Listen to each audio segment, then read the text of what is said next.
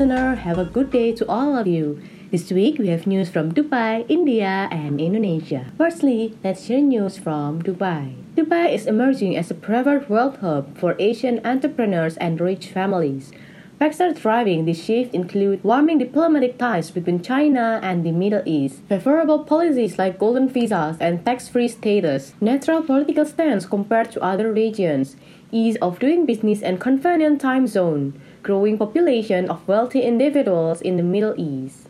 Not just China, wealth managers from across Asia are setting up offices in Dubai to tap into this trend. Dubai's appeal offers access to new markets, investment opportunities, and a safe haven for wealth. The future, Dubai is poised to become a major player in the global wealth management industry.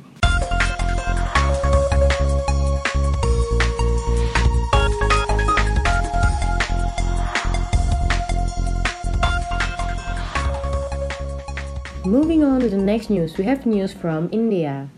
India's largest travel platform suspended flights booking to the Maldives after disparaging social media posts against Indian Prime Minister Narendra Modi. The controversy comes as Maldivian President Mohamed Muizzu embarked his first state visit to China, breaking from tradition of choosing India as the first international port of call. Both China and India vie for influence in the Indian Ocean nation.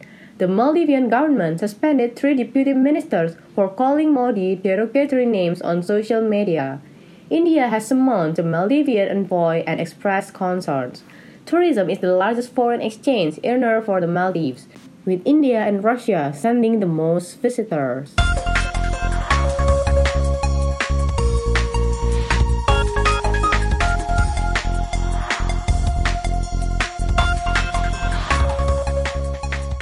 Next one, we have news from Indonesia.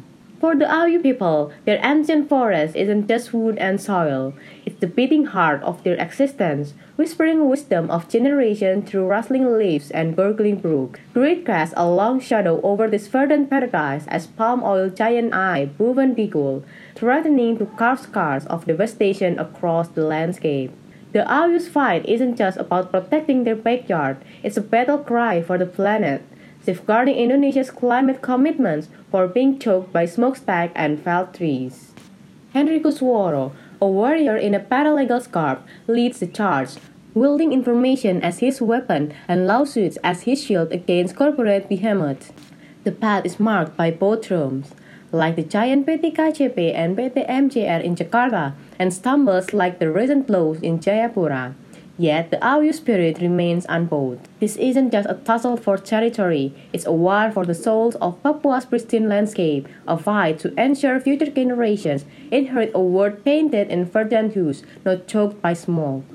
The Awyu's voices aren't whispers lost in the jungle, they're a clarion call for responsible development, a plea for humanity to remember its kinship with the earth.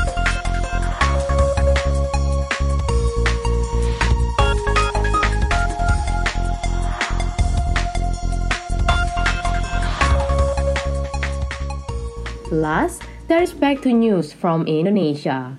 Yoasobi, a popular Japanese band known for their inspiring songs, will be holding a solo concert in Jakarta on January 16, 2024.